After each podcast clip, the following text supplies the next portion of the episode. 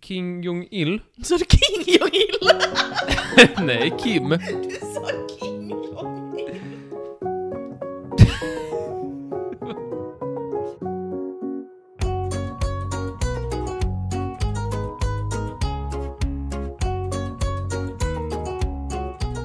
Ja, det stämmer. Vi är tillbaka. Välkommen till Trivialis, den sjunde epoken med Molly och med han där som heter...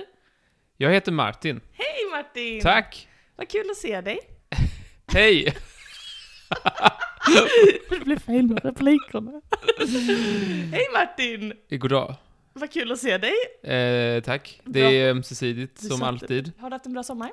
Eh, det skulle jag påstå. Eh, Mm. det skulle jag kunna säga utan att ljuga, att sommaren har varit eh, adekvat. Okej, ja, Den har jag, varit, jag, eh, jag, Årstidsadekvat. jag frågar dig lite som en, eh, eh, vad säger man, en chimär för att vi har ju träffats hela sommaren. Eh, just det. typ hela sommaren. Ja, det gick så snabbt, jag vet inte vad sommaren blev över. Tycker du det gick snabbt? Ja, jag nös och så var borta. det var jättelångt Eller jag nös och fick jag testa mig för corona och sen var det i sommaren slut. Ja, Jag ja. måste dricka. Drick på. Var det måttet när du var liten? Drick på. Ja. Ja. Ska vi skratta mina barndomsdramar nu eller? Ja, men det gör vi ju alltid. Varför skulle vi sluta? ja, ja. Jag fick så här ont i kroppen-känsla.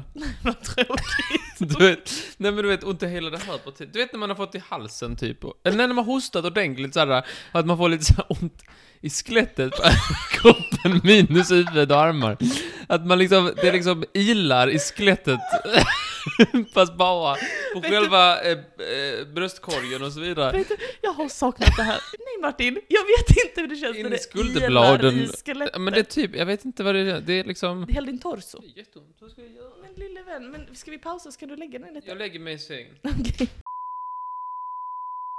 Eh, var var vi någonstans? Du fick krupp. Ja. Lever jag? You tell me. Detta är himlen så. Jag tror du har hamnat i helvetet. Vet du, jag, aj nu fick jag jätteont i min nacke. Aj. Skriv en bok. Okej, säg en rolig sak som hände dig i sommar. Ah, Där satte du mig på båten. Nej, jag vet att du gjorde massor roliga saker. Jag köpte en ny smart gardin till balkongen. Till balkongen.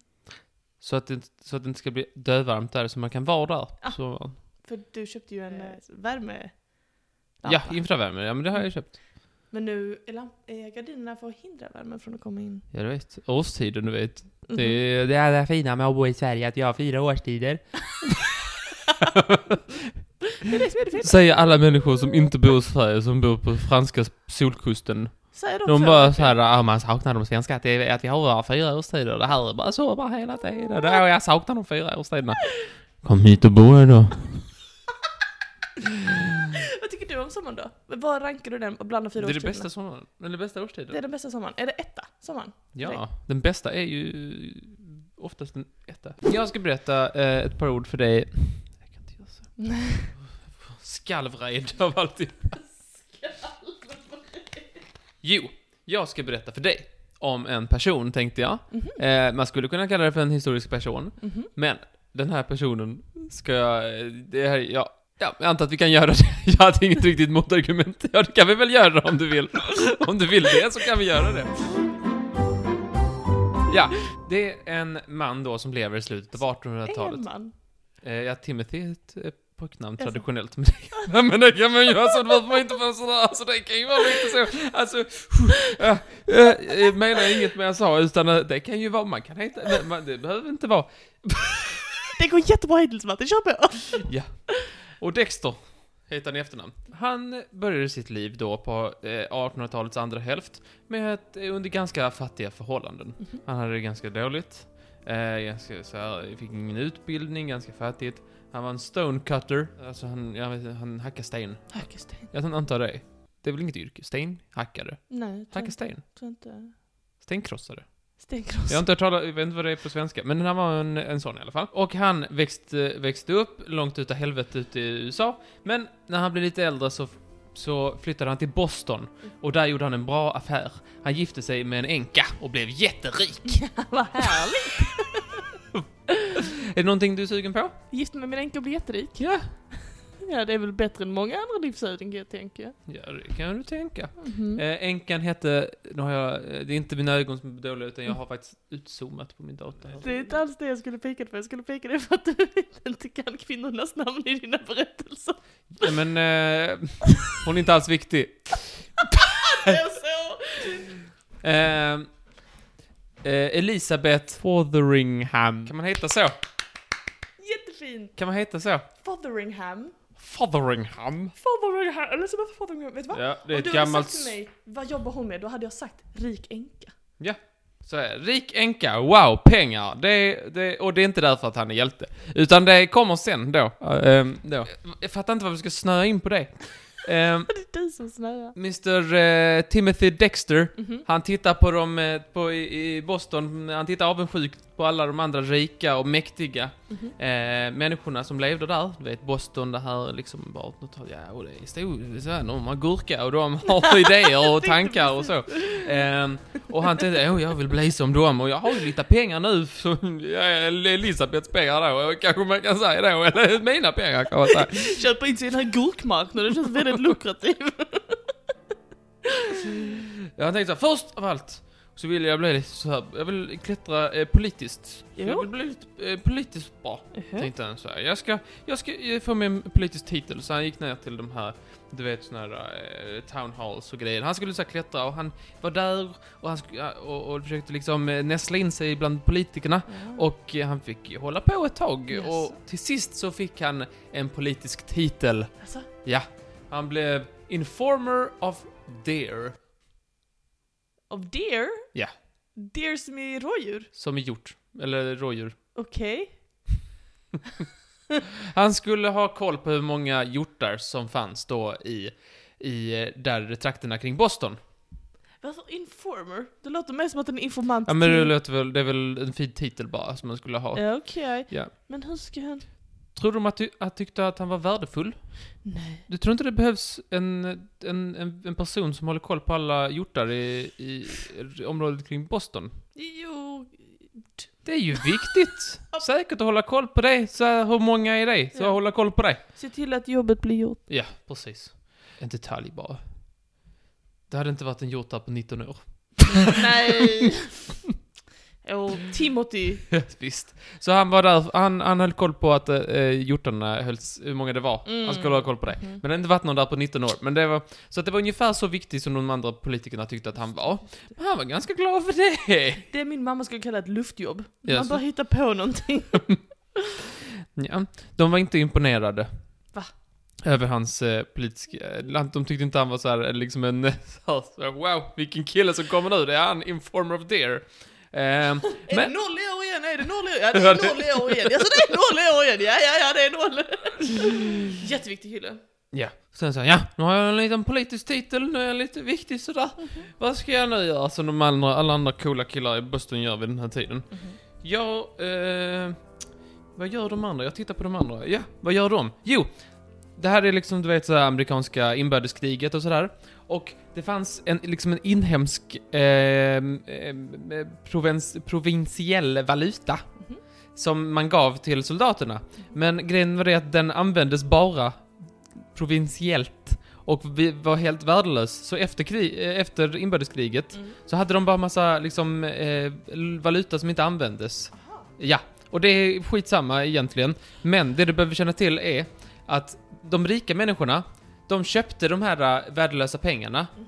från, från de soldaterna för liksom så här lite tack så här. Ni har ändå slått för oss och sådär, så då kan jag väl ta lite av det där värdelösa du har och så får du lite riktiga pengar av mig. Mhm, mhm. Och han bara, och Dexter, han bara ja, ha, kolla alla, alla gör så, de köper upp de där, eh, de där små papperslapparna som är så här, ja, det ska jag också göra. Aha. Och då tog han nästan alla sina pengar och köpte de värdelösa papperslapparna.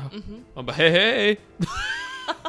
Mina värdelösa papperslappar, men jag är i alla fall som de andra i, i killarna. Ja, Ja. coola jag. Ja, ja. Ja, och då kom det fram sen att eh, man skulle, de, i USA efter kriget så skulle man sen kunna byta in dem mot en, liksom en, en eh, peng som gällde hela, hela USA. Okej. Vilket gjorde att de, även fast de inte var jättemycket värda, var lite värda. Och då kunde han trada in dem och få jättemycket pengar. Igen. Så han fick jättemycket pengar. Vilken bra idé! Och han, inte, det var inte alls planerat utan han bara såhär, ja, vi gjorde det. Och då kommer tanken så här. Nu tänker du. Är han jättesmart eller han är jättedum? Ungefär så tänker jag. Ja. Eh, och detta var ju inte alls meningen, utan detta bara hände. Mm. Vad gör han sen när han har gjort det? Han tänkte så här, ja. Då bygger jag, då köper jag mig ett stort jävla hus, tänkte han. Så jag ska ha det största huset, för jag köper det för mina pengar.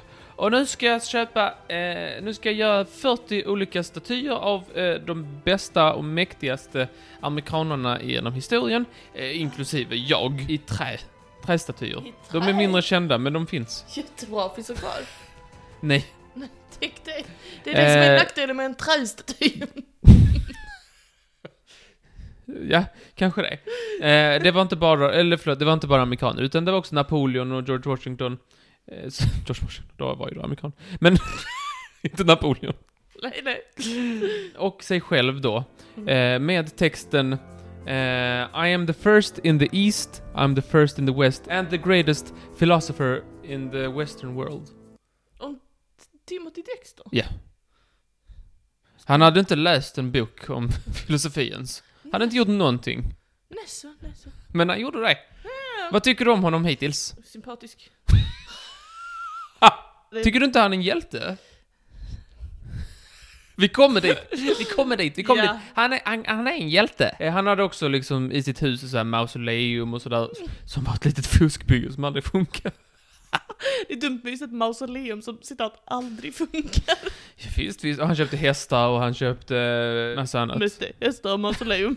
Ja, men, en guldörn, om du vill veta det. det vill jag verkligen. En staty jag då inte. Nej, nej, alltså en staty då. Ja. Och han var då bästa, han kallade sig då för världens eh, främsta filosof Mhm. genom tiderna. Eh, Men han hade ingenting med det att göra. Han hade inte skrivit någonting. Nu är jag eh, jätterik. Jag har ett hus, mausoleum, statyer. Jag är också världens främsta filosof genom alla tiderna. Och jag Vad har en guldörn. En guldörn. Vad ska jag nu göra? Jo, alla, alla, alla andra de håller ju på och handlar och sånt. Just Det ska jag också. Det ska Dexter också göra. Dexter kan allt, sa han. Mm. Eh, så han köpte sig eh, ett par skepp och började att liksom eh, vadå? Jag bara, jag är så perplex inför vart den här historien är på väg. Vem är han? Jag har aldrig talat om den här killen innan. Han skulle börja då eh, handla med sina skepp. Hans första affär, det var att han eh, köpte upp en massa såna här uh, warming pans. Han hade fått tips att, att köpa dem och exportera, eh, exportera till, till ehm, eh, Västindien. Okej. Det är sådana man har och lägger kol i, eh, glödande kol, och sen har i sängen och så här Ah. värmer upp sängen. En värmepanna va? Grejen med eh, Karibien är att de inte behöver värma sina Ganska sängar. varmt va? Karibien? Jo, visst. Och, och, och det eh, skulle kanske Dexter ha tänkt på Ah, innan han eh, köpte 42 stycken. Uff. 42, eh, förlåt, 42 000 stycken. ja, jo, för jag tyckte det var inte så farligt. Jag kan Och tycka- skickade till Karibien och skulle sälja. Ja, men det var Ehm, inte alls på Ja, han, jättemycket pengar kostade det tydligen. Jo, jo. Och när de kom fram Mm. så tänkte de, vad fan, vad fan är detta? Jag vet inte vad detta är. Ja, vi ska inte ha det värma våra sängar, sa de, men vi kan ju ha det som slavar i vår sån här socker... ehm, ehm, plantage, eh, du vet sån här, de, behöver slavar. S- Säger du nu till mig att han på riktigt, att han bistod till liksom sockerplantagens verksamhet under 1800-talet? För att jag förstår inte när han ska bli en hjältevatten. Jag vet inte riktigt Vänta, när du tycker det att det ska bli bra för dig. Alltså inte, inte i sockerplantagen utan med den här soppan som blir av när man silar. Det, liksom, för den var liksom byggd på ett vis, skit i det. Den här, de visade sig att den inte kunde användas som en, eh, som det det var tänkt för. Nej. Mm. Utan, men de kunde använda den som en typ av slev när, Ja. de, när de eh, bryggde olika grejer och sådär. Ah, aha. eh, och det blev en jätte, jätte, jättestor vinst. Gud vad bra. Så han fick så här jättemycket pengar, så här, åh de använder dem som slavar, skitsamma, På, jättemycket alltså, pengar. att förtydliga, på Karibiens sockerplantage under 1800-talet. jag, jag, Det, det, är bara, det var därför han fick alla sina pengar. Det är bara, jag är bara tydlig. Inte på plantagen, utan, Utan på någon typ, någon typ av förädling. Eh, bistod med... eh, alla fick betalt. Det tror inte jag att de fick. Skitsamma, hjältegrejen Ja, kommer skitsamma. sen. Hjältegrejen kommer sen. Och så fick han jättemycket pengar, blev ännu, ännu rikare. Han hade satsat hur mycket som helst på att köpa de där grejerna och skicka iväg. Och så fick han med ännu mer pengar. Wow. Och, och sen så fick, detta hände liksom liknande grejer flera gånger. Alltså, Att han skickade till exempel, eh, kedjor som man tänkte skulle användas köpt- till droskan, men istället så fick de en helt annan funktionsområde. Han var hjälte Martin. ja han var hjälte, vi kommer dit. Han köpte en nästan monopol på valben. Valben. Ja. Ben från val. Vad ska han med Köpte dem? hur mycket som helst. Och alla hans, och han fick tips från eh, lite sådana folk. Och det var, det, jag kan, enligt vissa källor så var det folk som inte gillade honom som bara "Ah, Han var lyckas. han, har inte, han har inte förtjänat någonting. Varför skulle man inte gilla den här mannen? Jag fattar, jag har inget med. vi ger han dö, lite dåliga råd sådär, så köpte han valben som var helt värdelös. Men då började fransmännen att det var så här inne med att ha valbens eh, accessoarer och grejer. Så då fick, kunde han sälja det och fick jättemycket vinst. Ah. Jättebra för honom. Mm. Det här kan vi hoppa över. Nej, säg, säg, säg. Han skickade en massa biblar till, eh, till, eh, massa, till, han köpte massa biblar och skickade iväg till länder som inte var kristna. Och så magiskt blev de det. Eller hade det precis blivit det när han skickade iväg dem och då, och då fanns det biblar. hade magiskt blivit. Undrar hur det hade gått till. Skit i det. Men jag försöker ju förmedla historien här. Att den här mannen som inte har något mellan öronen bara lyckas göra jättebra affärer. På ingen annans bekostnad. Och kanske den sjukaste. Han fick också tipset av en av sina, eh, ja, vänner eller fiender. Eh, att, ja du kan ju skicka sån här, eh, alltså kol, bränn, så att man bränner med kol. Eh, till, eh, till eh, eh, Newcastle. Eh, och så här säga, hallå, det kan väl du? Det, det, där, där behöver de säkert kol. Men, det var lite av ett, intressant. Jaså? För att, för att Newcastle är den största kolgruvan i hela England. Kvack. Ja. Så att de liksom har jättemycket kol. Varför skulle de behöva kol där? Det är jättekonstigt. Så det var nästan sån här skämt liksom såhär, ja du, hallå. Så ja, Mm. ja, behövs vatten i Mississippi. liksom såhär, lite såhär, kol i Newcastle. Slavar i sydstaterna. Sluta vara så rälig och paja min... Förlåt, ja, Ja. okej, ja. Och han gjorde det. Och alla skrattade så här. Titta på den jävla dåren som skickade kol till Newcastle. Mm. Men precis när skeppet hade slutat synas från hamnen, Mm. då, då visade det sig att det är en gruvstrejk i Nej. Newcastle.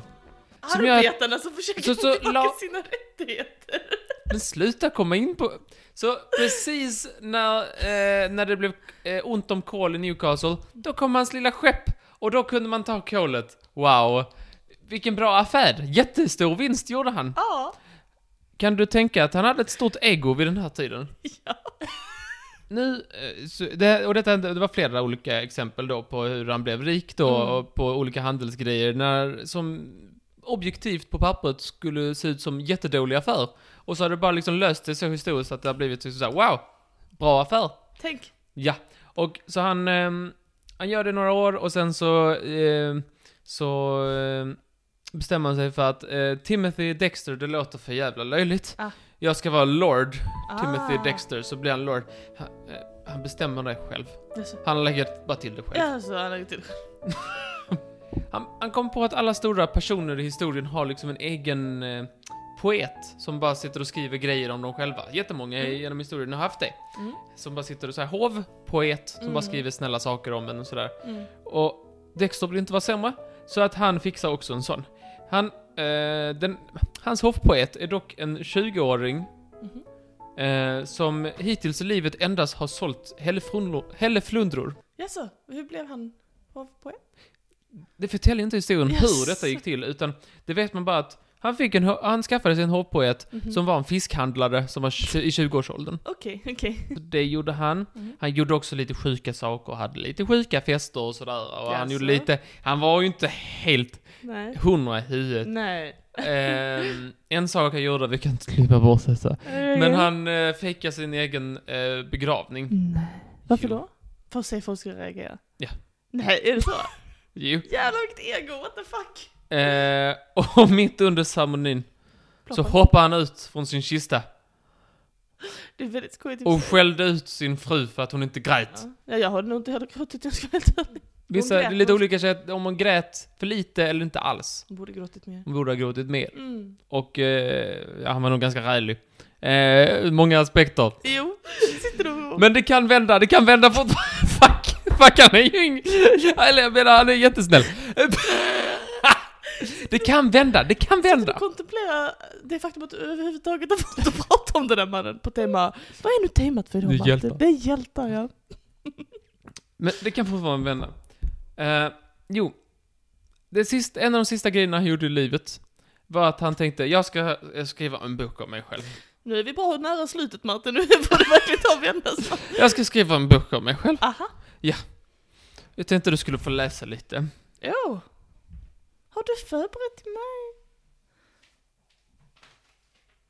Lite högläsning blir väl trevligt. Ja, det gillar du. Eh, boken heter A Pickle for the Knowing Ones. Så det handlar om bostongurka? det jag säga. Tänk att jag kommer tillbaka till det. Varsågod och läs med din fina brittiska röst. Ska jag läsa det så som det, som det stavas? Ja. Okay. The first lord in the United States of America. I must be lord. There will follow many more lords pretty soon. For it don't hurt. A cat? Nor the mouse. nor the sun. Nor the water. Nor the ear. all is well. All in love. And now I begin to lay the cornerstone and the keystone with great remembrance of my father, Jorge Washington the Great. Jorge Washington, the great hero. 17 centuries past. Och där, centuries är alltså stavat S-A-N-T-R-E-Y-S. Centuries. 17 centuries past. Alltså, jag kan fortsätta läsa men det finns ingen punkt. Ja. Eh, Det är några svagheter då. Eh, Den är eh, 20... eh, Nej, den är nog 40 sidor. Vet du jag tror Martin? Ja. Jag tror han hade dyslexi. Den är 40 sidor lång Mhm. och han har inga punkter och inga skiljetecken. Och så säger han att man heter Jorge Washington. Ja, det finns lite. Jag läste ganska mycket. Det finns lite spännande stavningar. Ja, han skriver då den här boken. Och den, eh, eh, han, eh, det är inget förlag som är inblandat, utan han gör detta själv. Är det sant? Det är 8847 ord, men inget, eh, inget, inga skiljetecken. Eh, och han... Eh, den här blir såklart, den kanske inte är jätteuppskattad. Det är Mm. liksom, tänker så här, vad är det här för nötter som skriver den här? Men! Sen blir det en försäljningssuccé. För att folk läser den för sitt höga nöjes skull. Jaså. För att den är så, för att den är så, dåligt skriven. den är så dåligt skriven så att den blir bra. Så det blir en bestseller, även den! Mm. Han tjänar pengar även på sitt pissiga, pissiga bok. Men, han gör en andra upplaga till och med för att det tar slut. Gud vad sjukt. Ja, och då kan du tänka dig, ändrar han någonting? Gör han det? Nej. Alla Han ändrar ingenting av sin, sin dåliga språk. Men han lägger till en sista sida, om du bara kunde... Founder, Mr Printer, the knowing ones, complain, som i flygplan, of my book, the first edition. alltså, first, alltså F-U-S-T. The first edition had no stops. I put in enough here and they may pepper and salt it as they please. Och sen massvis med punkter och kommatecken och utropstecken. Och så frågetecken också. Han har bara skrivit en massa punkter och kommatecken, och, alltså jätte, jätte, jättemånga, och det är flera sidor. What can pepper and salt? Ja, men Pepper and salt it as they please. enough stavas A... N-U-F. Och sen stort NUF. Ja, så sista, eller sista sidorna är bara en massa punkter och Ja, kommatecken väldigt och, och utropstecken, så kan man lägga till dem hur man vill. Ja, Jättesmart. Väldigt roligt. Ja. Inget spräcker det egot. Nej.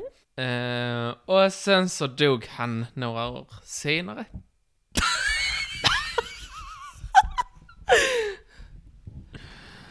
jo, då. Är är klar.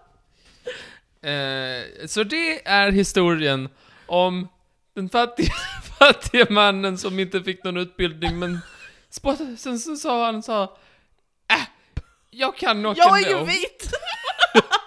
så, och så, så, så, så, som en idiot som man kanske kan framstå som, så eh, lyckades han ändå göra en massa val, hade jättetur och skrev en bok som var jättedålig men lyckades ändå få jättemycket pengar och så gick det bra fan ändå. Är du seriös? Och det är ju... Ja men det är ju beundransvärt eh, engagemang. Man får beundra hans eh, jävla anamma. Varför lät jag dig börja? En sån hjälte. Ett Vet du vad? trefaldigt leve. Vet du vad? På vilket annat ämne som helst. Du hade kunnat ta, alltså du hade kunnat ta, vi hade kunnat ta grönsaker här, så här bostongurka. Men just hjältar, just hjältar, just kristen missionär. Sockerplantagebiståndare, eh, strejkbrytare av de gruvarbetarna i England. Jag vet inte vad jag känner faktiskt. Alltså man, allt låter konstigt om man säger det i det tonfallet. Ja, vilken hjälte Martin! Hurra! Men eh, han Han hade min röst. ett självförtroende som man kan beundra. Oh ja. Hjälte. Känner du själv att det blev Och eh, han hade koll på alla hjortar. Ja. Varenda en. Jag- Nu tror jag du bara är avundsjuk faktiskt. Jag är faktiskt jätteavundsjuk. Önskar att jag kunde få lov att skicka redskap till fucking sockerplantagen i Karibien. Att du inte fångade den i din research. Jag tänkte, gud vad bra. Då blev de nog glada. Vilket- Du tänker så, det var nog en liten sån independent sockerbolag som fick utanför the big sugar. Kollektivt ägd av... En litet familjeföretag. Jo men det, så är det nog. Men vänta Molly, det blev bättre. Han skickade kol till, till strejkande gruvarbetare så att han kunde bryta strejken för kapitalisternas skull då. Så att gruvarbetarna slapp få lön när de fick göra upp sitt arbete. Vet du vad? Inte en enda källa så, så hade de det kritiska synsättet som du hade. Tänk, vad Google-algoritmen är intressant ibland vad de ger en för källor. Hans redeeming quality var att han skrev en skojig bok, eller det var det du... Att han hade ett sånt starkt självförtroende. Jag tror jag är din hjälte. Men-? Han... Från inga, från inga förhållanden alls så Inga lyckades han bli jätterik. Men visst var det väl Och de här hjälp- förhållandena att han äh, gifte sig med en änka som hade pengar redan? Um, jo, så var det ju. Någon annan mans pengar som någon annan man hade känt ihop och sen... Eller kvinnan. Förmodligen inte, Har du tänkt på det? Nej. Förmodligen inte va? Om vi ska vara såna. Ah, Men jag tycker bara det var en intressant historia. Jo, men varför just det enda avsnittet där vi idoliserar människor? Jag, jag kan reda detta. Det här var historien om Lord, eller egentligen inte Lord, Timothy Dexter. Som såg som sig själv som en hjälte. Men det är inte mycket värt för nu sitter vi och skrattar åt hur dum han var. Jättedum. Superdum. Typ så Hitlerdum. Han såg nog sig själv som Han såg hjälte. sig själv Det som också. Det, det tycker jag ändå. Ja, du vill inte ha mitt smörgås? Nej! Är det så? Ja. Nej, vad fan? Martin, varför gör du så här? Eh, Arbetarna, de hade precis gått på strejk. Men då sa han, det behövs inte. Jag kan bistå med varan, så ni kan sparka dem. Vilken kille.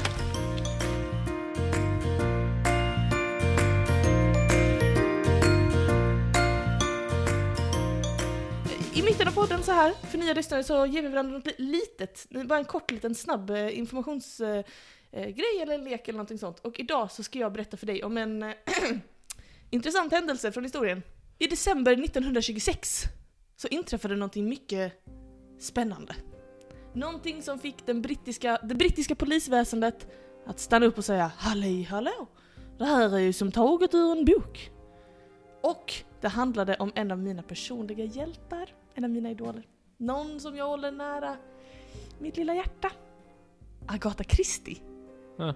Du vet vem hon är? Ja, författare. Författare. Eh, Agatha Christie, en av mina absolut största idoler och som du känner till, men kanske inte poddlyssnarna, eller så har jag sagt innan. Hon är en eh, hon var en författarinna som eh, med sin otroliga framgång inom eh, författarbranschen eh, klarade av att bli en så kallad dame, eh, vilket är en, motsvarigheten, en kvinna motsvarigheten till en riddare i Storbritannien. För att hon var så framgångsrik och skrev så ofantligt många böcker. Hon skrev 80 noveller Martin, eller 80 böcker liksom, varav 66 var mordgåtor. Ja. Och du vet vad jag tycker om mordgåtor? Eh, Du uppskattar dem? Jag tycker de är jättetrevliga, speciellt nu när det blir höst. Sitta varm kopp choklad, en Agatha Christie-novell, uppkurad i ett soffan med en filt. Alltså bästa jag vet, finns inget bättre. Och jag äger ju väldigt många av de här böckerna, men vill man ge mig en present så är en Agatha Christie-bok alltid en bra idé. Har du läst någonting av Agatha Christie? Jag började med att tröttna. Vet du, alla säger att den är den bästa, men jag tycker den är den sämsta.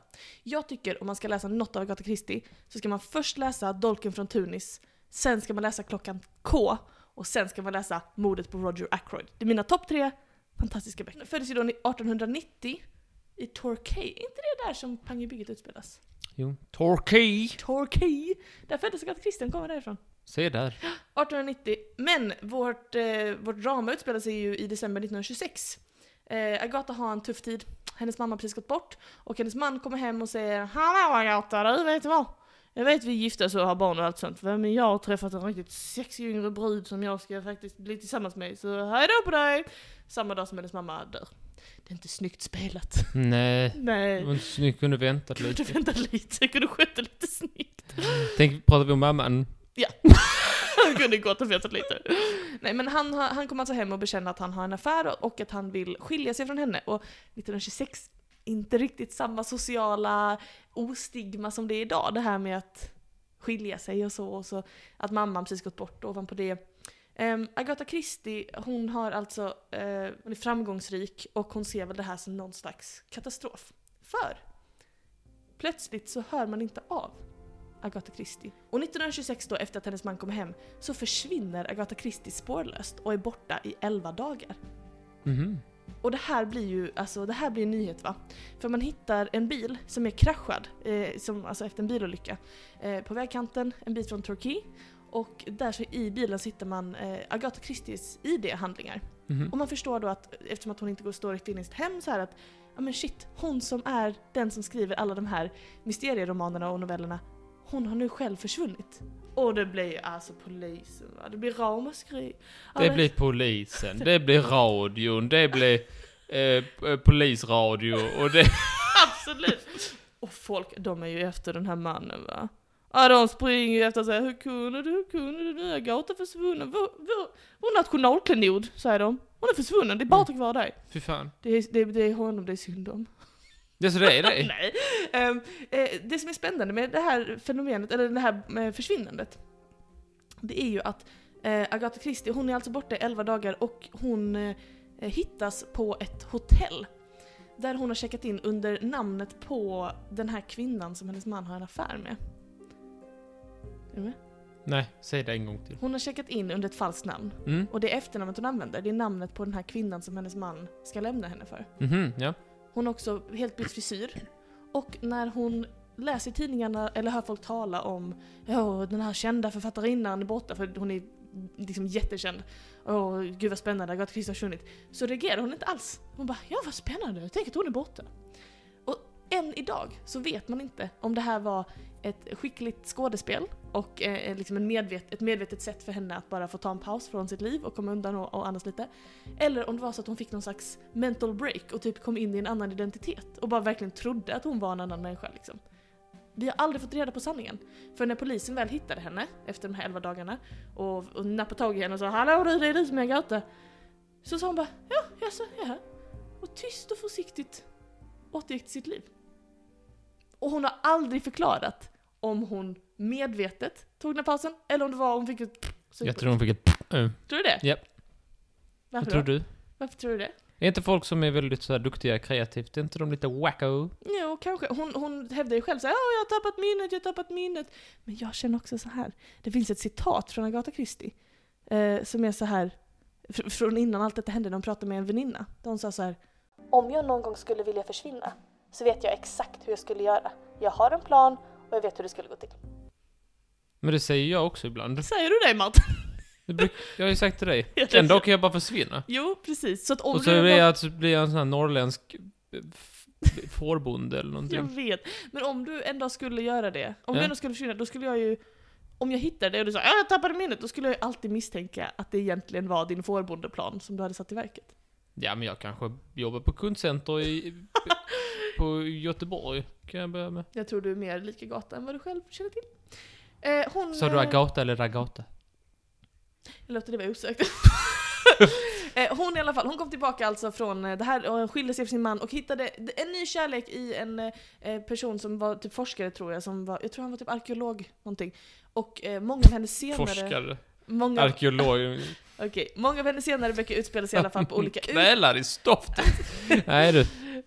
Många av hennes senare böcker utspelar sig på olika utgrävningar och sånt. Och det var ju för att de fick resa jättemycket med sin nya man och de, hade, de älskade varandra och levde tillsammans till, till döden. Hon dog 85 år gammal och eh, eh, fick ett barn och eh, nu är det hennes, hennes barnbarns barn producerade eh, Mord på Orientexpressen, den här filmen som kom ut för ett, ett tag sedan. Så, Ja. så att liksom the business is still in the family. Men hon är alltså en otroligt framgångsrik författarinna. Jag ville mest berätta om det här spännande lilla mysteriet när hon försvann, att vi inte vet vad det är. Och tipsa om att läsa hennes böcker, framförallt Dolken från Tunis, ni kommer aldrig bli likadana igen. Eh, och också slutligen nämna om Agatha Christie, och det här tycker jag är väldigt viktigt. Hon är så himla framgångsrik att de enda eh, böckerna som säljer mer än Agatha Christies är Shakespeares och Bibeln. Mhm. Det går Bibeln, Shakespeare, Agatha Christie i eh, liksom, utsålda författare. Om man får räkna Bibeln som en författare är inte det häftigt? Jo. Hon är så... Har hon sålt dem till en. Nej det har hon inte. Men fattar du? Bibeln, Shakespeare, Agatha Christie. Det är helt sjukt. Hon är så framgångsrik. 80 böcker Martin. Ja. Hon var 85, det är fan, alltså, det är helt sjukt. Fattar du hur Är mycket du hon skrev? säker på att det är att det är bara, att hon är topp tre? Ja! Okej. Alla, jag har kollat det på typ tre olika källor. Bibeln, Shakespeare, Agatha Christie. Det är helt Ja, sinnessjukt. jättebra. Och hon är så duktig. Wow. Alltså, läs hennes böcker. Ja, en personlig hjälte Då ska jag sluta läsa det igen.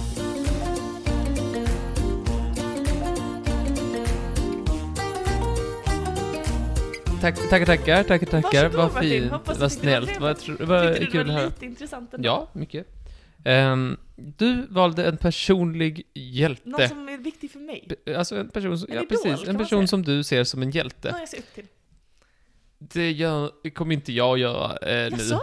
Nu Men kom, du gjorde ju det i ditt, eh, ditt, din stora snacka. Eh, nej, utan... nej, och eh, även här blir det lite av en... Eh, ja, det är inte riktigt så va, utan det är mer... ja, vet du vad, vi kommer dit. Men det är inte en person, det är verkligen ingen personlig hjälte för mig. Är det Hitler? Man? Nej, det är inte Hitler. ja, lägg av. Vet, du, vet, vet du vad jag hade kunnat säga i din förra snacka som du också kan säga nu är ju liksom att på temat hjälte, alltså en underkategori är ju antihjälte. Snyggt, vi tar det. Visst. Hjälte, ja.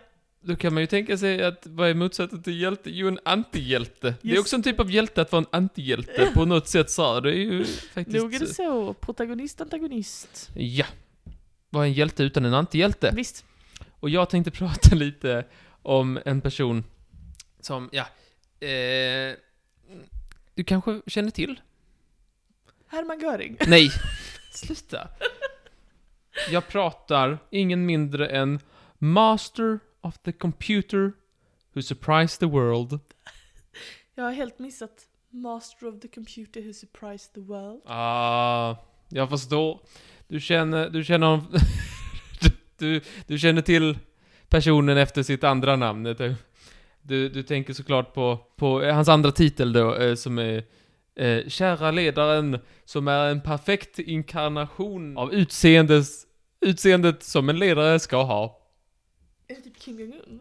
Eller Kim Il-Sung? Nej, det är inte Kim Jong-Un! Vem är det? Det är Kim Jong-Il.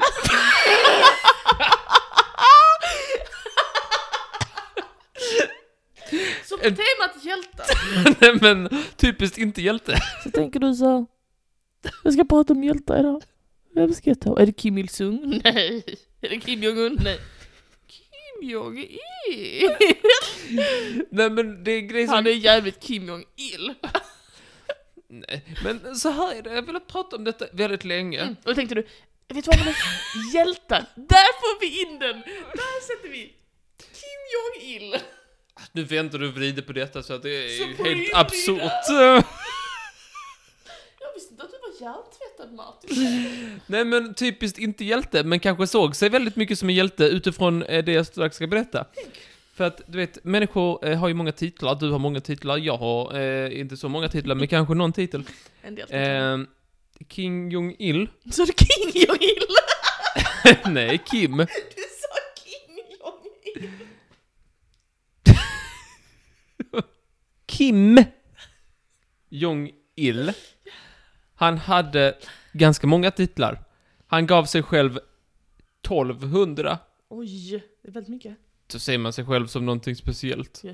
Så jag ville bara eh, berätta för dig att han hade eh, 1200 titlar. Okej, okej. På typiskt antihjälte-manér då, Ja! så hade han gett sig, det är väl jätte-antihjälte Absolut, gjort, det är liksom villain, det är att ge sig själv massa Ja. så här, coola namn. Nej men så är det. Eh, jag, alltså, jag, du ska få läsa eh, någon alldeles strax. Eh, några finns eh, översatta, jag tänkte jag skulle ta dem. Mhm. Eh, det, det är den klassiska, det är ju klassiska då, som till exempel att vara eh, mästaren över datorer som eh, förvånar världen. Ja. Eh, men sen är det också de, de klassiska. Mhm. Du har din överlägsen person, Mm. kära ledaren, vice ledaren, lysande ledaren, unike ledaren, Unik ledare. store ledaren, folkets fader. Folkets fader. Jag faller mest för unik ledaren, det känns liksom som att det behöver inte vara positivt. Du är så unik. Han har ett väldigt unikt utseende. Han är väldigt unik. Han är en unik ledare. han, han är unik. ja. Han är också den vägledande solstrålen. Inte vilken solstråle som helst. Nej, han är vägledande. Ja. Han är garantin för fosterlandets enande. Han är också symbolen för fosterlandets enande. Mm, både garanti och Han är nationens öde, älskade fader. Inte bara kära fader. Älskade fader. Han är ledare, general, store general. Stora Han är general. ledare, general, stor ledare, stor general. Ständigt segerrike, viljestarke befälhavare, älskad och respekterad ledare. Den gav, det gav han till sig själv. Älskad och respekterad. Han är också älskad och respekterad general.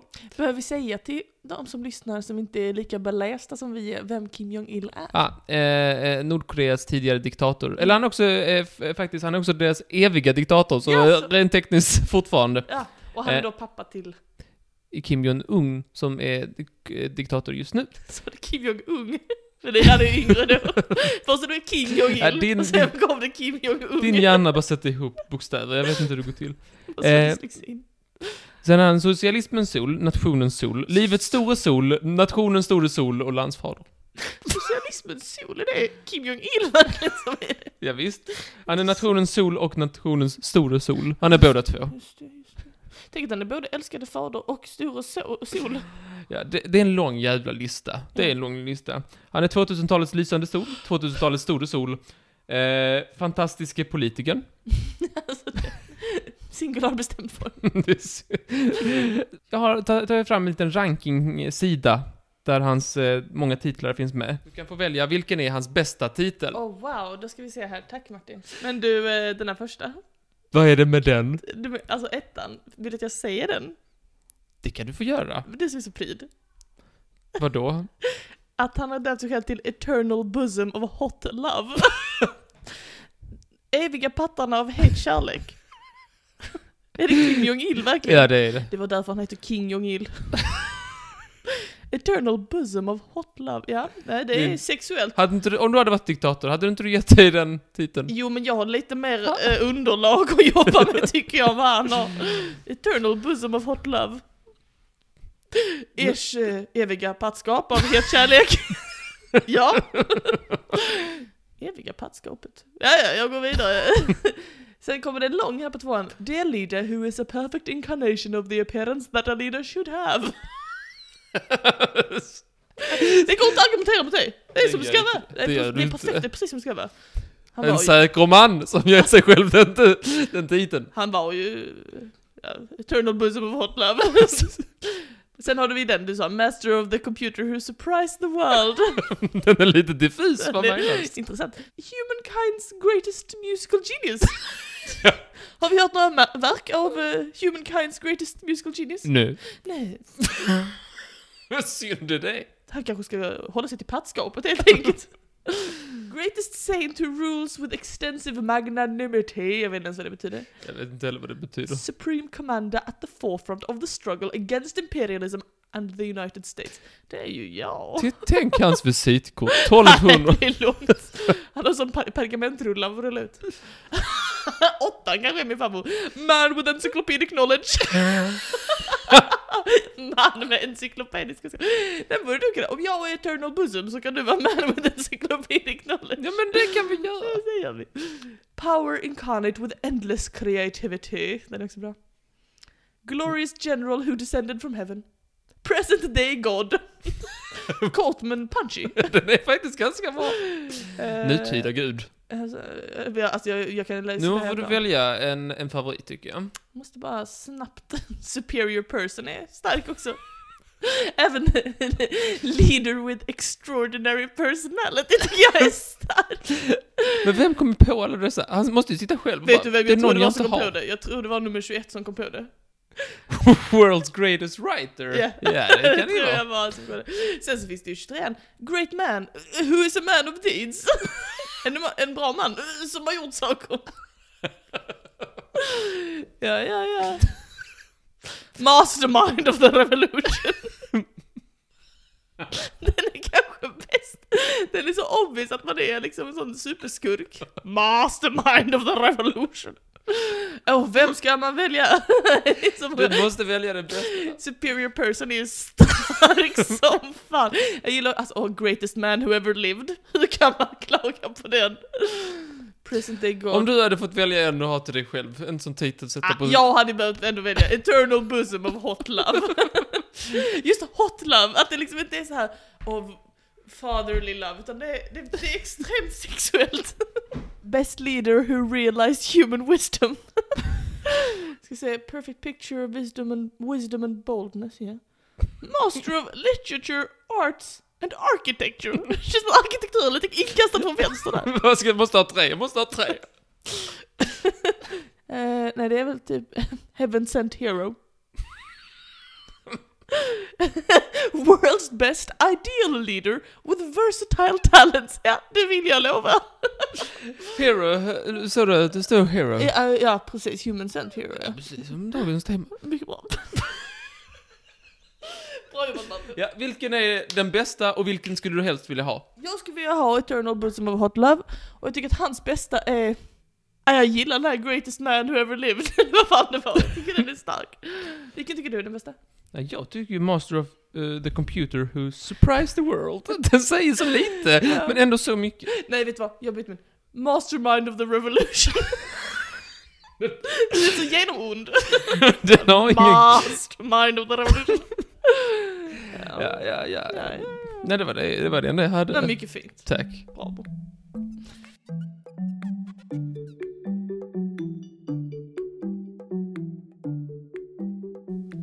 För min långa snacka. Tjoho! Tjoho tjohej! Atjo menar jag, förlåt. Och Idag är ju andra gången vi pratar om hjältar, Ja. som du vet. Och eh, jag eh, tycker det är ett lite svårt ämne. Till skillnad från dig. Du, för dig som faller ju För mig var det så lätt. De faller ju från himlen. Men jag tycker det är lite svårt, det är så här, hur tolkar man det? Jag hade Agatha Christie, min personliga hjälte. Men så gick jag in på Wikipedias artiklar om hjältar och så var jag såhär, ja vad finns det för olika... Så såg jag då, det finns ju antihjälte, som du skickligt använder dig av. När då? Men så såg jag också då undertiteln eh, nationalhjältar. Alltså hjältar för ett land. Kanske den mest kända nationalhjälten tänkte jag att jag skulle berätta lite om idag. Ja, men vad kul. Eh, en liksom, eh, symbol för ett land. Någon som eh, än idag hyllas som en nationalsymbol, nationalhjälte, allting sånt. Och eh, någon som eh, väldigt mycket bidrog till att avsluta det hundraåriga kriget. Jeanne d'Arc. Jeanne d'Arc! Precis Martin! Henne har vi inte pratat om typ Jag tänkte på henne när du sa nationalhjälte, tänkte jag Jeanne d'Arc, men så tänkte jag, "Nå, har inte du redan snackat om Jeanne d'Arc? Du tror att jag har snackat om alla kvinnor i historien, men det har tar jag de inte. inte slut? Hur många kan det finnas? Jag har aldrig pratat om Jeanne d'Arc, Har- men du, har- och du har inte heller pratat om henne? Hon är ju Nej. tjej. Jag har pratat om många tjejer som historiska Oj, personer. oj, oj! I alla fall. Idag ska vi prata lite om Jeanne d'Arc och jag tror att du vet typ kanske mer än jag. Så jag tänker att du får fylla i det jag inte vet. Ja. Eller du kanske, eller vad, vad, vad, hur går dina känslor kring hundraåriga kriget? Det varade ju inte i hundra år, så varför heter det det? Det stör mig så Hur länge mycket. var det då?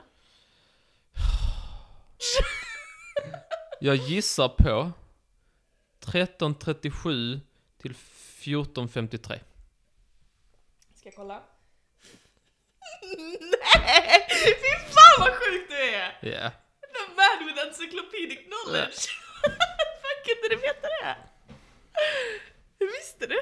Jag har läst. Jag är en beläst man. The man with encyclopedic knowledge. Vänta, det måste betyda att... um, Okej, hundraåriga kriget alltså. Eh, som du sa, 1337 till 1453. Och Jeanne d'Arc spelade en stor del i att avsluta det. Vilka var de som bråkade? England och Frankrike. England och Frankrike. Och varför bråkade de? Ja, säg det. Varför bråkar de någonsin? Lite- de lite hatar ju varandra. Lite lätt sammanfattat, jo tack. Men de bråkar om... eh, En viktig del var om, om tronen. Om tronen, precis. Och de, eh, vissa ansåg så här, jag är släkt med han där borta som dog jättelänge sedan. Så att jag tänker att jag eh, eh, tar den brittiska kronan. Nej, ni vill inte det. Okej, men då har jag massa riddare och vi tänker eh, döda eh, er samt eh, med familj. Och Men precis, alltså, det? handlade väl mycket om tronen och om land. För att Storbritannien, eller England ska man säga, England och eh, Frankrike, de liksom har väl varit så här just om landmassorna i respektive land. Och så, ska inte den tillhöra oss så ska inte den tillhöra oss. Vilket är himla konstigt för att en är ju en ö ja. och en är inte en ö. Jag fattar inte varför de hålla på och jiddra med varandra. Det är väldigt uppenbart att bara stanna där nere, eller? Det snabbaste sättet på den här tiden att transporteras var på vattnet. Så vattnet förenar människor Jaha. vid den här tiden, inte tvärtom, vad nu Mm. ordet för förenad, motsatsen är till förenad. Skiljer. skiljer. Och det var ju massa kungar som eh, fram och tillbaka tyckte det ena och det andra. Från Frankrike som ville erövra tronen i England och från England som ville erövra tronen i Frankrike. Jag läste till exempel om alltså William erövraren. Mm. Han var från Frankrike och så ville han erövra tronen i England. Och eh, han, eh, han kallas ju Wilhelm erövraren eller William the Conqueror. Men, och det här visste inte jag, men vet du vad hans, för, alltså vad hans egentligen han var innan han erövrade? Bara Nej, det hette alltså Wilhelm Oäktingen. Eller då Ja. William the Bastard. Ja, Jag tycker det är väldigt skoj. spännande. Sen kallades för det innan han började erövra, eh, så kallades han för William han the Bastard. började, var tvungen att erövra, för annars jag måste bli av med det namnet. Jag, har, Precis. jag måste erövra. Det är William Le Batard. Så fransmännen förmodligen så. Och det här var, det, det här är liksom långt tillbaka i tiden, men det var bara ett exempel på när kungar från ett land kom till ett annat och erövrade och hade sig och sa det är jag som ska vara kung här, bla bla. Och så här- var det inte hundra år och så var det massa pest i mitten så att alla bara Öh, vi Ja. krig, vi väntar lite och, eller vi sa öh, pest, åh dör, äh, vi tar en veckas paus va för att eh, vi har koppor och hela bunten. Men det känns också konstigt när det är mer än 100 år och kallar det, alltså, kallar det 120 år. Men det var väl effektiva hundra år på grund av att det var pest. Det var lite såhär, de, de körde 50 procent. Jag kör vissa bara, år. ah, vi kör bara 75% nu, ah, jätteskönt, man har tid att ta hand om kåporna. Eh, Men ja, i alla fall. Så, så det har varit många hundra år av rivalitet och hundra år av eh, krig. eh, när vi kastar oss in i berättelsen. Ja.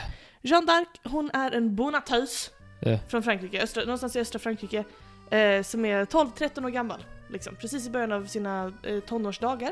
Och hon är ute och så här plockar blommor på fältet, du vet, så en vanlig dag. A day in the life av en sån bonatös på 1400-talet i Frankrike. Um, och precis som alla andra på den här tiden så var hon då katolik. Alltså alla andra i sin krets i Frankrike överlag och, och sin, sin krets. Eh, och eh, trots detta så, precis som också för de allra, allra flesta av hennes, eh, från hennes samhällsklass och, och av hennes kön, så kunde hon varken läsa eller skriva. Men hon var duktig på att plocka blommor, hon var väldigt duktig på att sy. Vi ska återkomma till det, lägg på minnet att hon var väldigt duktig på att sy, det är viktigt. Hon är ute i fältet, hon är 12-13 år, plockar sina blommor och plötsligt så hör hon röster från ovan. Ja. De säger så här. La. Hon bara va? De bara la. Hon bara hallå, ville du något?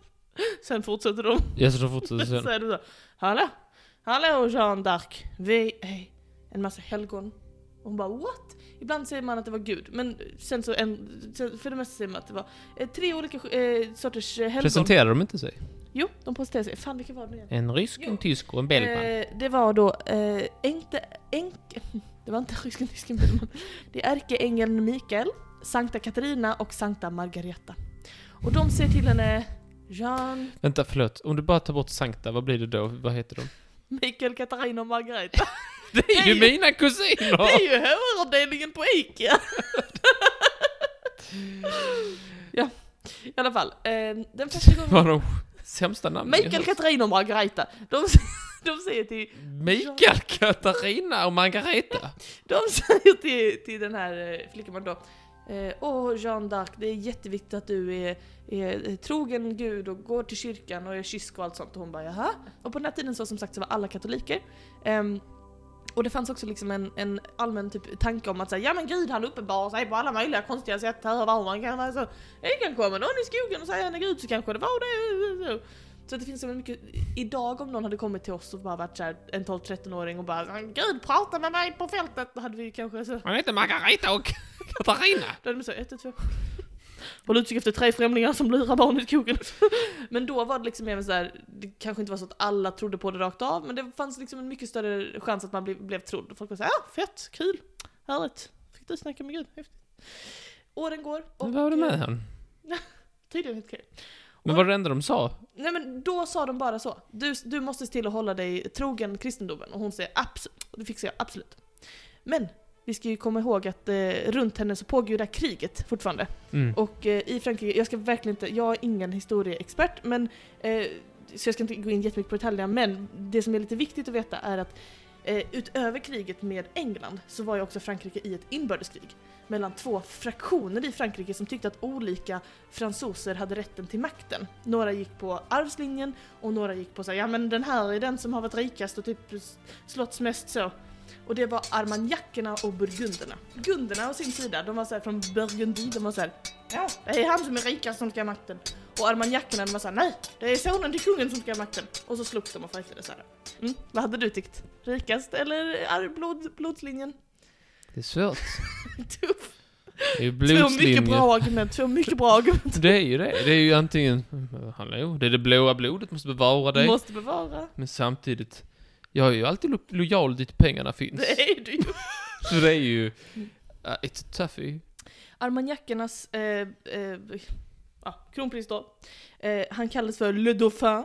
Jeanne d'Arc är kvar i östra Frankrike, kommer du ihåg henne? Från innan när vi snackade? Vem är det? Hon är kvar där i sitt fält, åren går, hon har blivit 16-17. Och de här ärkeänglarna, återigen uppenbarar de sig för henne, nu när Mm. hon är liksom lite äldre, och säger så här: Du, Jeanne d'Arc, vet du vad? Det finns en som är den rättmätiga kungen av Frankrike. Och hon bara va? Är det sant? De bara ja, det är han Dauphin. Det var jätteenkelt, det var inte en komplicerad konflikt, det var han. Hon bara gud vad bra, skönt. Tänk om alla visste. De bara ja, det är ditt uppdrag att se till att alla vet. Hon bara va? Vad Och jobbigt. sen de säger ja, jag vet du bara är 16-17 sådär.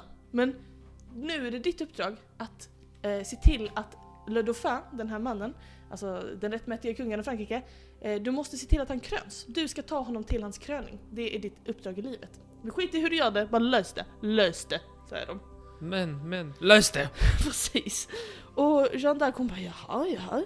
Eh, Ja då får jag väl göra det då. Eh, Så att hon... Förlåt, enkelt- vem var det som sa detta? Var det Mikael eller vem var det? Det var Mikael, Katarina och Margareta. Det Alla är så tre. dåligt namnkombination också. Det går inte att säga på något rimligt sätt. Det är sant. Så d'Arc, Maggan, Micke Katta. och Katta. Maggan, Micke och Katta.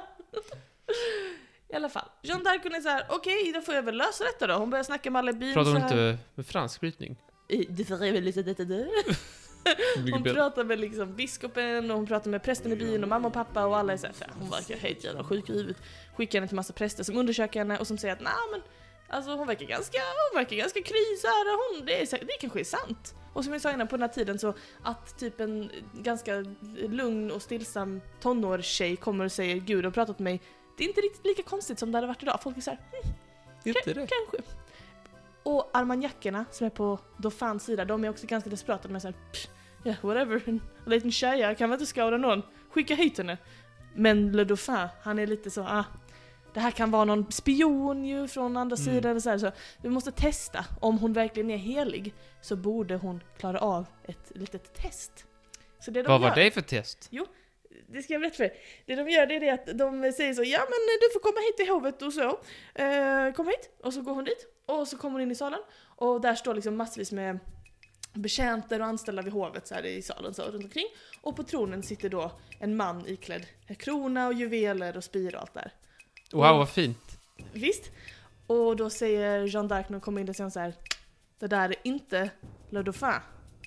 Och alla bara, jo det säger du han har kronan och så, det är han som är kingen så och så. Hon bara, nej, det är inte han. Och sen så går hon runt så här och tittar på alla de som är i salen. Och så hittar hon en liten filur som står gömd bakom en pelare. Och säger hon, det här är den riktiga Dauphin. Och så knäböjer hon inför honom. Och vet du vad Martin? Hon hade rätt. Va? Jag vet. Det var då fanns lilla test, han sa så. Om hon verkligen är sänd från Gud för att känna igen mig och veta att jag är den rättmätiga kungen, då borde hon kunna se att, att, vem jag är, även utan alla de här attiraljerna på mig liksom. Mm. Ser du? Och det gjorde hon. Och då var han såhär, du är det rätta vir- virket. Du, vad- du måste vara helig på riktigt. Eh, Vad ska du ha? Och då sa hon, jag ska ha armé. Och då sa jag, ja. Klart du ska ha armé, klart tusen ska ha armé. Hon är ju 16. Tänk om man bara hade de möjligheterna. Ja visst, så lätt. Ehm, Om man bara var helig hade man kunnat få den med. Precis. Men ehm, en utmärkande detalj eh, kring detta, utöver att hon var väldigt ung, var ju det här med att hon var tjej. Lite Jag jobbigt. reagerar inte Du tänkte inte skulle på det? Nej, du är könsblind. Fortsätt. Hon var ju tjej. Ett problem. Hur löser man det? För att hon kommer 100% bli våldtagen och mördad om hon ska ut i armén själv. Hur löser vi det på ett snyggt sätt? Lite snyggt sådär. Böltpest. Nej, man... oh my God. Inte böldpest. Om hon ska leda en armé av män, som den enda kvinnan, Ja. hon är liksom ung och eh, kysk och vill gärna vara det. Hur ska vi lösa det på ett bra sätt så att hon inte blir typ mördad, våldtagen, antastad etc. Vi ändrar attityden inifrån. Jag har lärt dig väl! Men tyvärr, i det här fallet så fick man gå andra hållet om och eh, klippte alltså av, John Dark klippte av sig själv håret, skaffade sig som Ja. sexig pottfrisyr och klädde sig i eh, manskläder. Och det som var intressant med detta, det var att i, i det katolska Frankrike på medeltiden så var det strikt förbjudet att iklä sig det motsatta könets kläder. Man fick inte lov att klä ut sig till det motsatta könet. Och... eh, Fick in, ingen... Inte ens om man var så här skådespelare. nej. Fick man inte det? Fick inte, fick inte, Det har, I alla Shakespeare så har de ju alltid kokosnötter som... Ja, du vet. Eh, du vet, Eternal Bosom. Av Hot Love? Precis Ja, sådana. just det. Jo, jo, men det här var Frankrike som sagt. Eh, Jag vet inte hur det var med just teater, men man fick aldrig, en, en kvinna fick inte lov att gå i manskläder, fick inte lov att klä sig till man. Eh, men det var ju flera präster då som hade sett det här miraklet när Jeanne d'Arc kände igen Le Dauphin och de sa såhär, ja men vi kan göra ett eh, undantag, Gud ger undantag för eh, att hon ska kunna utföra Guds... Men Micke, Katte och, och Maggan Ja. kom inte och sa det är lugnt. Sa det faktiskt inte. Det är bara hon som hör dem. Men hör hon dessa i huvudet? Ja. Maggan, Micke och Katte? Ja. Varför just dem? Ja, Och vad pratar de om? Heter de, pratar de hela tiden? eh, nej inte hela tiden. Men kommer de alltid att säga någonting viktigt? Typ så här. Nej. Du ska gå över eh, dagstänkta berg och, Krallala. och skjuta med eh, skarpa kulor och sådär. Eller, säg, eller är det mer såhär, ja, ja, ja. Titta vad fint det är, wow. Nej men först, det första de sa var bara såhär, du ska bara vara kristen, det är jätteviktigt att du är kristen. Alltså sådär. Så att jag menar, du vet. Får jag bli protestant? Nej, det är inte uppfunnet igen. Nej, det är inte igen. igen. Eh, Jag komma ihåg vad- eh, Katt, nu, nu ska vi göra så mycket vi kan. Både, både Katte och Micke och Maggan. I alla fall. I Orléans så har det varit eh, ett, vad heter det, vad heter siege på svenska? När det är liksom, de är under konstant... Belägring. Ja. Orléans, det här området i Frankrike, har varit i, under belägring i ett halvår. Det har varit eh, inte så fett där. Nähä? Jättejobbigt för alla inblandade. Och eh, hon, eh, hon, hon marscherar dit. Och eh, Jean de Denoir, som är en man då, som är krigsherren där från, franska sidan. Han är så här, man kan tro, han är så här, han har varit där i sex månader, han tycker han har läget under kontroll, det kommer en liten tjej i pottfrisyr. Men hon, visste han att det var en tjej? Ja, ja, alla, alltså ryktet har ju gått nu. Nu har Jeanne d'Arc börjat bli lite känd. Redan när hon först började prata om att Känd hon, Dark?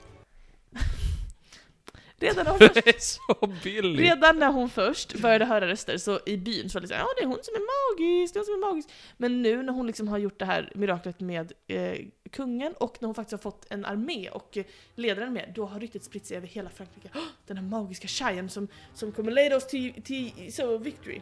Och när hon kommer till Orléans så är då den här krigsherren Jean de Denoir, han bara Tack gode gud att du är här! Fy fan vad skönt! Du, du går in, ki- kickar röven på engelsmännen, jag drar mig tillbaka och tar en tidig pension. Alltså han är verkligen så här, han har ingen, ingen stolthet, ingenting. Han bara snälla, sn- be my guest, kom in, kom in.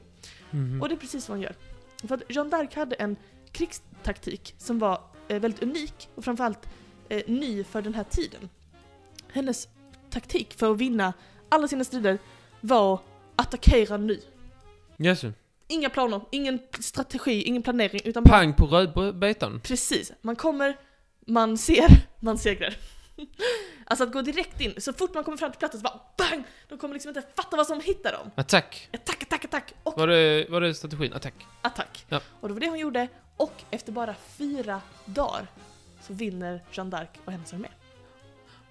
Och belägringen är över, Sex, ett halvårs belägring vinner hon över på fyra dagar. Och alla firar och hejar och stojar och så. För grejen är att Orléans, det var det här området som låg mellan där kungen var och den kyrkan där han enligt lag måste krönas för att få bli Frankrikes konung.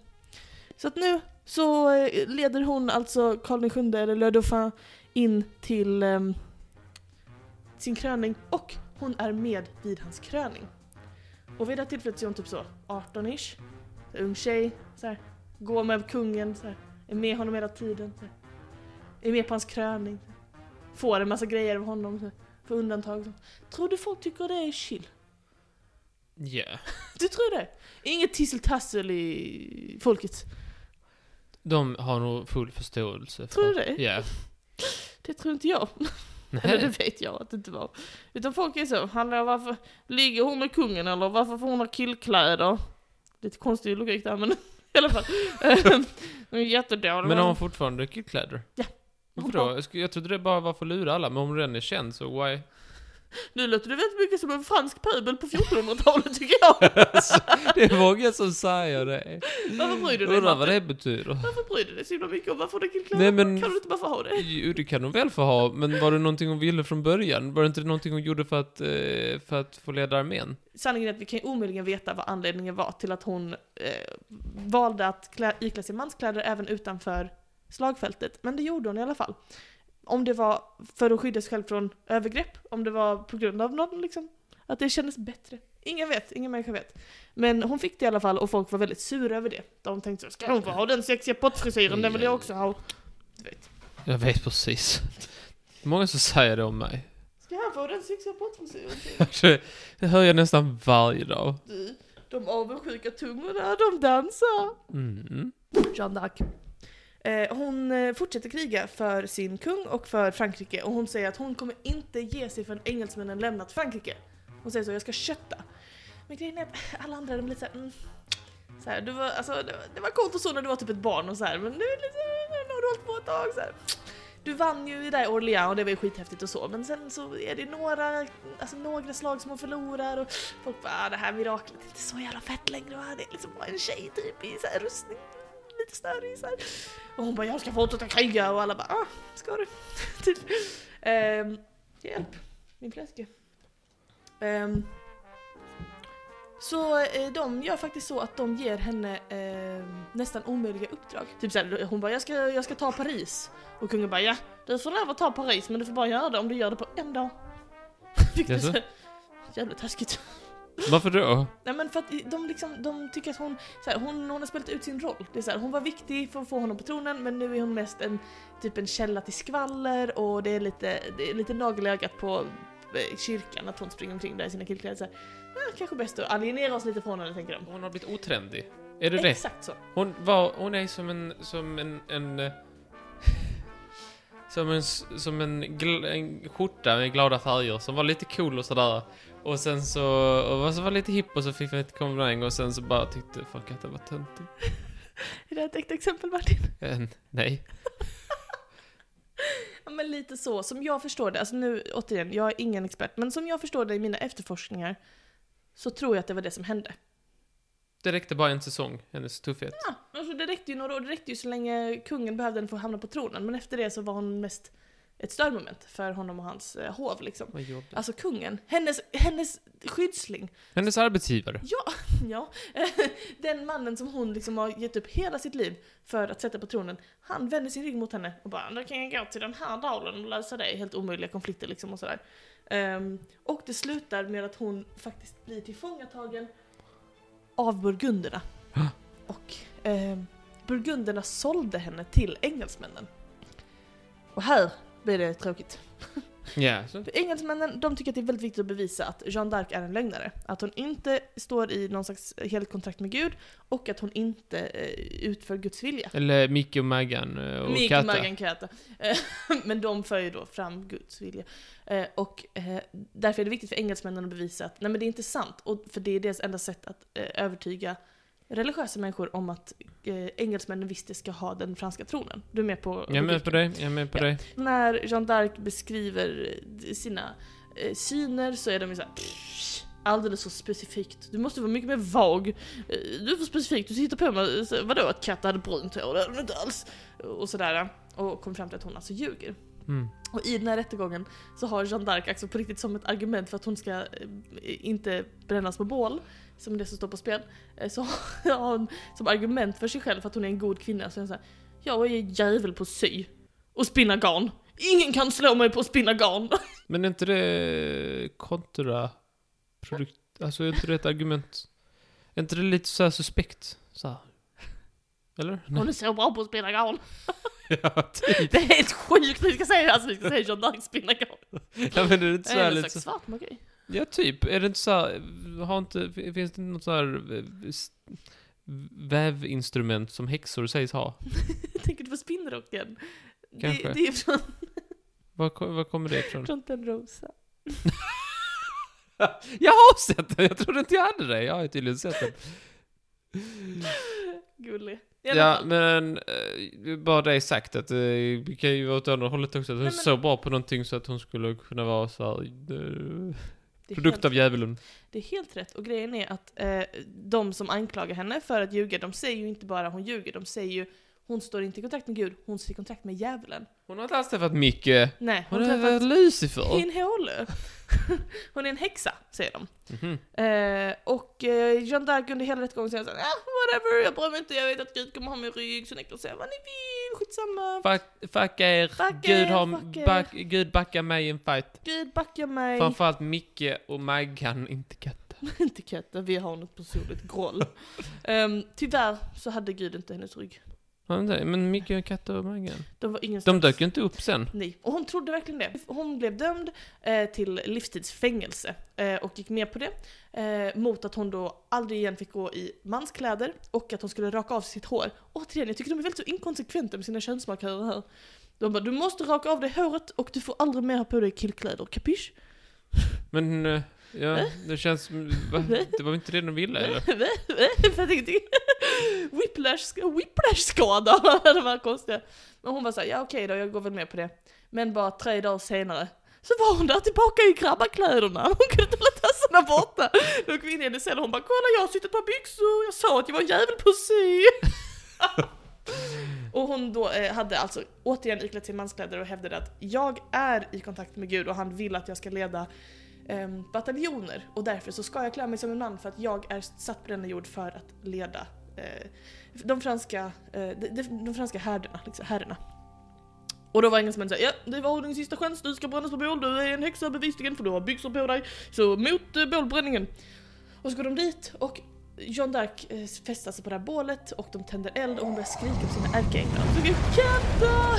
Maggan! Micke! Katta! Mag... Micke! Micke! Maggan! Ingen kommer. Nej. Och, och hon är förtvivlad och hon bränns upp. Eh, och dör alltså av brand.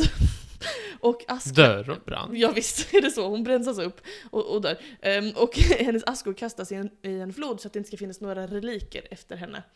För att man vill undvika att hon skulle bli helgonförklarad. Men!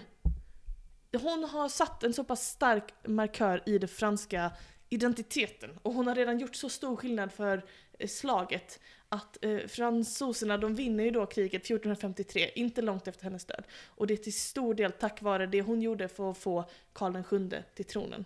Och eh, när fransoserna väl har vunnit kriget så helgonförklaras Jeanne d'Arc och eh, hon blir alltså satt som en national eh, symbol för hela Frankrike. Och hon är eh, Frankrikes nationalhelgon idag och anses väl vara typ en av de absolut kändaste kvinnorna från historien och kanske den absolut kändaste franska personen från hela historien.